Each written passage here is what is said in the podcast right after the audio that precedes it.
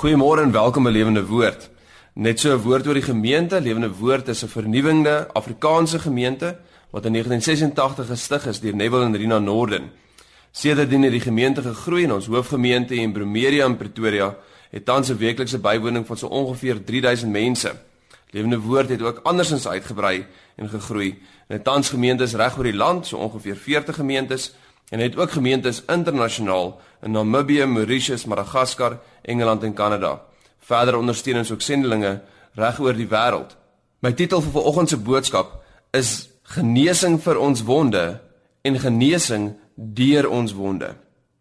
Kom ons staan en dan sing ons saam, laat die hemele bly wees.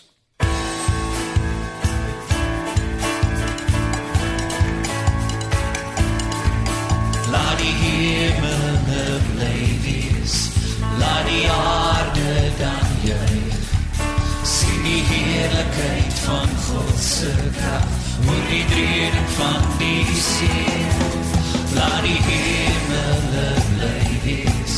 Laat die aarde dan juig. Sien die heerlikheid van God se krag. Hoor die dreuning van die see.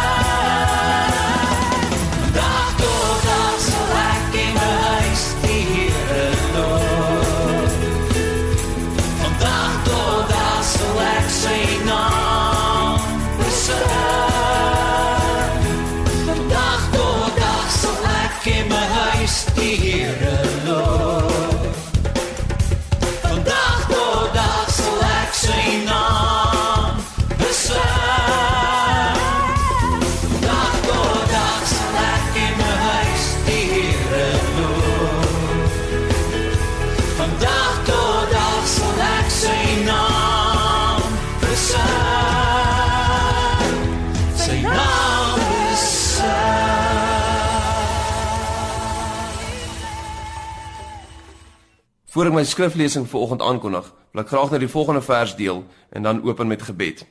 Hierdie is een van my gunsteling verse, Handelinge 16 vers 14. Sê en 'n vrou met die naam van Lydia, 'n purperverkoopster van die stad Thyatira, godsdienstige vrou, het geluister. Die Here het haar hart geopen om ag te gee op wat deur Paulus gesê is. En dis my en jou deel vir oggend, dat ek en jy soos Lydia sal luister, dat ons met ander woorde ons aandag sal gee. Ek neem eintlik die die rol aan van Paulus hier wat verantwoordelik was om die woord te verkondig. Maar wanneer hierdie twee dinge saamval, dan is daar iets wat net God doen. Lukas stel dit so: Die Here het haar hart geopen. En ek wil hê dat dit jou deel sal wees vir oggend. As ons bid vir die vanoggend se diens, kom ons bid dit dat die Here elkeen van ons se harte en lewens sal open om ryklik sy woord te ontvang. Kom ons bid saam. Hemelse Vader, soos ons u woord nader, wil ons ons hart en ons lewens oopstel, Here dat u met elkeen van ons kan praat. Mag u deur die bediening van die Heilige Gees die woord toepassing gee in elke lewe, soos wat en waar dit nodig is in Jesus naam. Amen. My skrifgedeelte vir vanoggend is 2 Korintiërs hoofstuk 11 vers 23 tot 27. Terwyl jy sien toe blaai, dalk net so 'n paar inleidende gedagtes. Daar is 'n ongesiene druk in ons samelewing en ons lewe vandag. 'n Druk wat op elkeen van ons rus tot 'n sekere mate. Dit is die ongesiene druk om suksesvol te wees. Dis die druk wat op ons geplaas word deur familie, vriende, dikwels ook onsself om aan 'n sekere standaard te voldoen of in 'n sekere sin om goed genoeg te wees. Hierdie tipe druk het ongelukkig ook sy weg in die kerk gevind. Ons noem dit triomfantalisme. Dit is wanneer die evangelie op so 'n manier verkondig word, laat daar eintlik geïnsinueer word dat God het gekom om ons gesond, gelukkig, suksesvol, aantreklik en in elke ding 'n absolute voorbeeld te maak.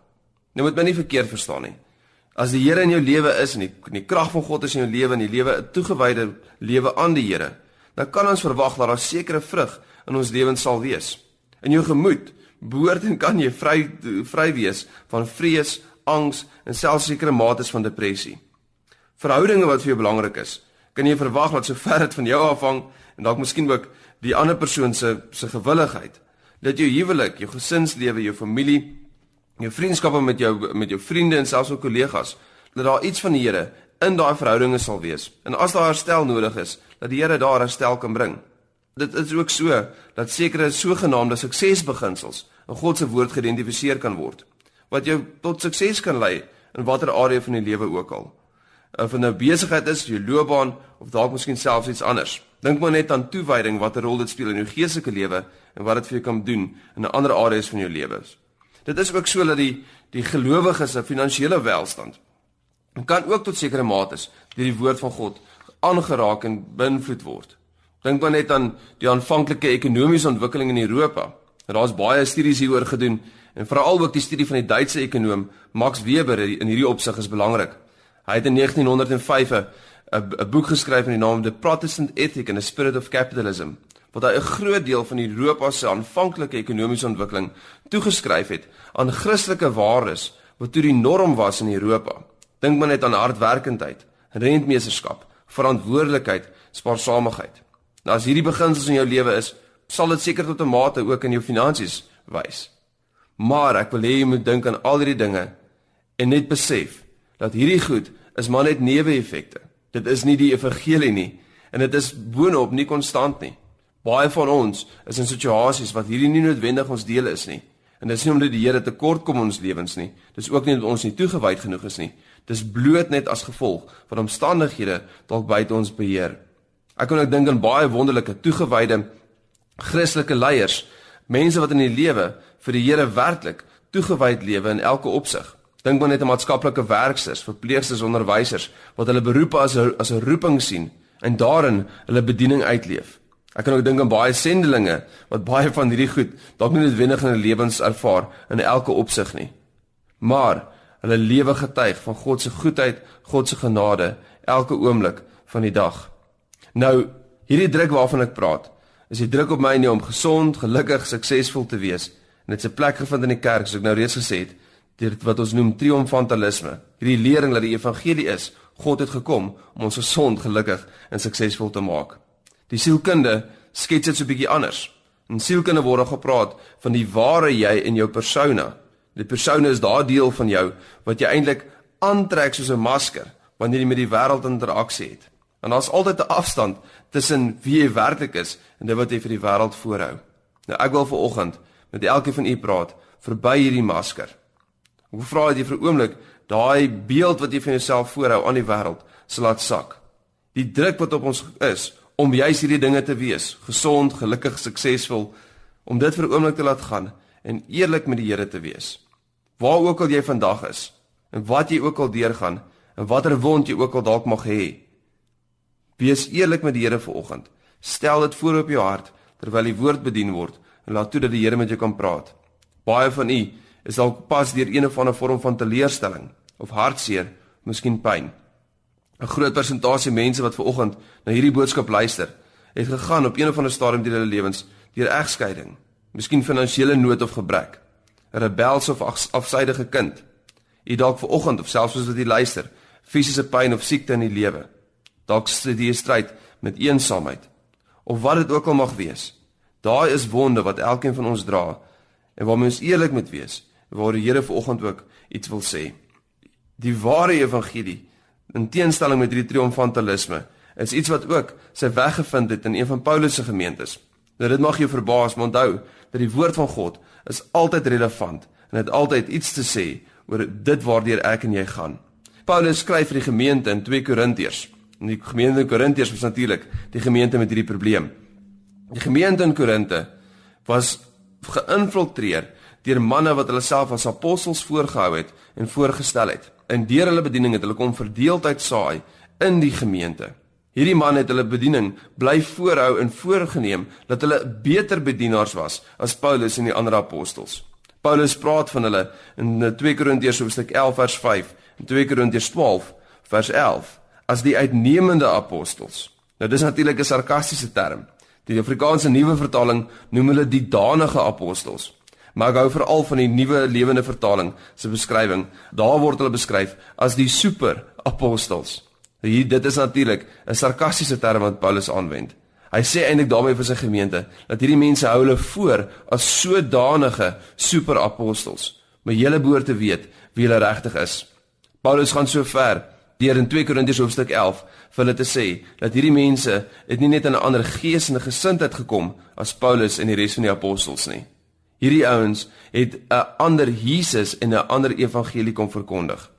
En om dit reg te stel, begin Paulus in in die middel van 2 Korintiërs hoofstuk 11 met sy gemeente praat soos 'n dwaas. Hy sê vir hulle, ek sal met julle praat in dwaase taal sodat elkeen van julle kan sien dat die krag van God nie in wyse en slim woorde is nie, maar in die eenvoud. En nou kom ons by vanoggend se teks. 2 Korintiërs hoofstuk 11 vers 23 en 27. Ek vertrou dit jy weggevind tot daar in u Bybel. Kom ons lees saam. Is hulle dienaars van Christus? Ek praat in uitsinnigheid. Ek nog meer in arbeid oorvloediger, in slaap oor die maat, in gevangenskappe baie meer, in doodsgevare dikwels. Vyfmaal het ek van die Jode ontvang 40 houe op een na. Driemaal as ek met stokke geslaan, eenmaal as ek gesenig.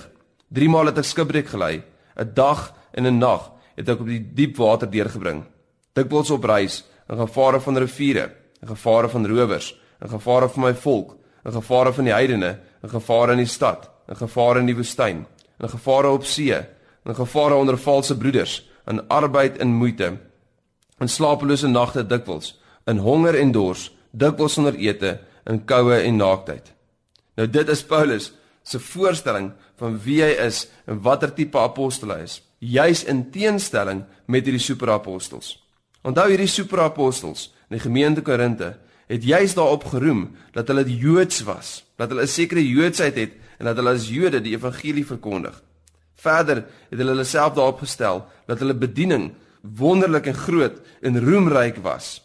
En hulle het dan natuurlik hierdie boodskap verkondig wat triomfantalisties was. Met ander woorde wat die evangelie op so 'n manier verkondig het, waar daar geïnsinueer was dat Jesus het gekom aarde toe om my en jou gelukkig en oorwinnend te maak in elke area van die lewe. Nou ehm um, Paulus se bediening in teenstelling hiermee sê hy eintlik vir ons die volgende in hierdie gedeelte 2 Korintiërs 11 vers 23 tot 27. Hy sê eerstens dat sy belang by die koninkryk van God is groter. Met ander woorde, hy sê dit sy aandeel in die werk van God is groter as hulle sin. Hy sê tweedens, hy het homself meer onderwerp aan gevaar as wat enigiemand van hierdie superapostels het. Verder het hy meer lydinge deurgegaan as enige van hulle en uiteindelik dra hy 'n groter las en 'n verantwoordelikheid vir die gemeente, maar ook die gemeentes as wat enigiemand van hierdie sogenaamde apostels doen. Dink maar net vir 'n oomblik aan hoe my en jou swakhede ego in Paulus se lys van lydinge en swakhede in 2 Korintiërs hoofstuk 11. Dink vir 'n oomblik aan die verantwoordelikhede wat ek en jy dra en hoe dit hoe swaar dit partykeer op my en jou rus. Dink partykeer aan die lydinge, die vervolginge waartoe ons kan gaan. Maar dink aan die gevare wat Paulus moes ervaar en wat deel van sy bediening was. Goed wat ek en jy waarskynlik nie elke dag beleef en ervaar nie. Paulus sê 5 keer is hy 39 houe toegedeel. 3 keer is hy met stokke geslaan.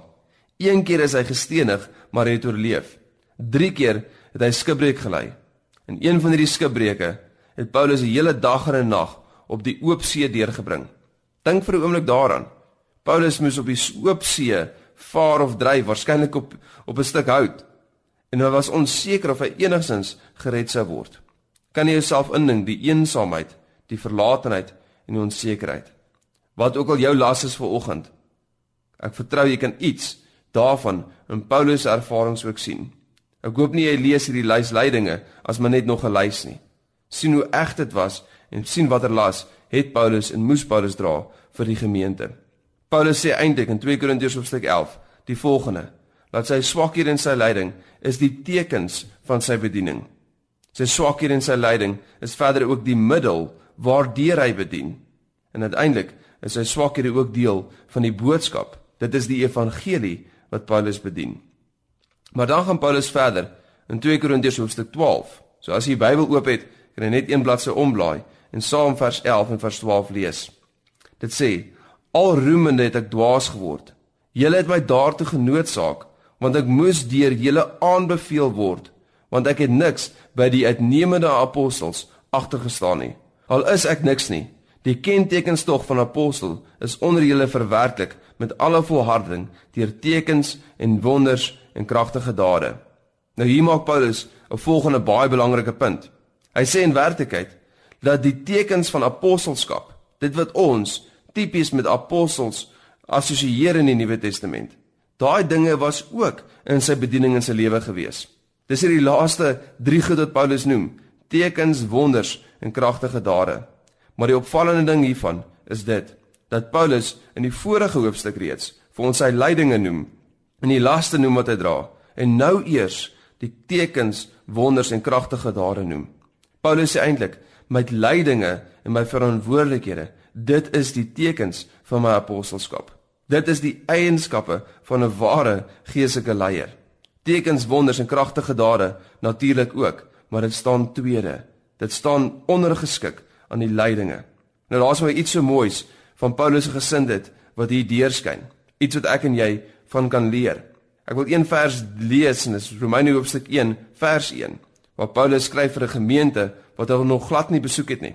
Eintlik gemeentes wat hy nog glad nie besoek het nie in die stad van Rome. Vers 1 lees: Paulus, 'n diensknegt van Jesus Christus, 'n geroepe apostel, afgesonder tot die evangelie. Let op dat Paulus noem homself eers 'n diensknegt van Jesus Christus. En dan sê hy vir ons watter tipe bediening het die Here hom voorgeroep en in watter tipe bediening gebruik die Here hom? Die bediening van apostel. Met ander woorde Paulus sê, my gesindheid en my verhouding met die Here is die van 'n dienskneg.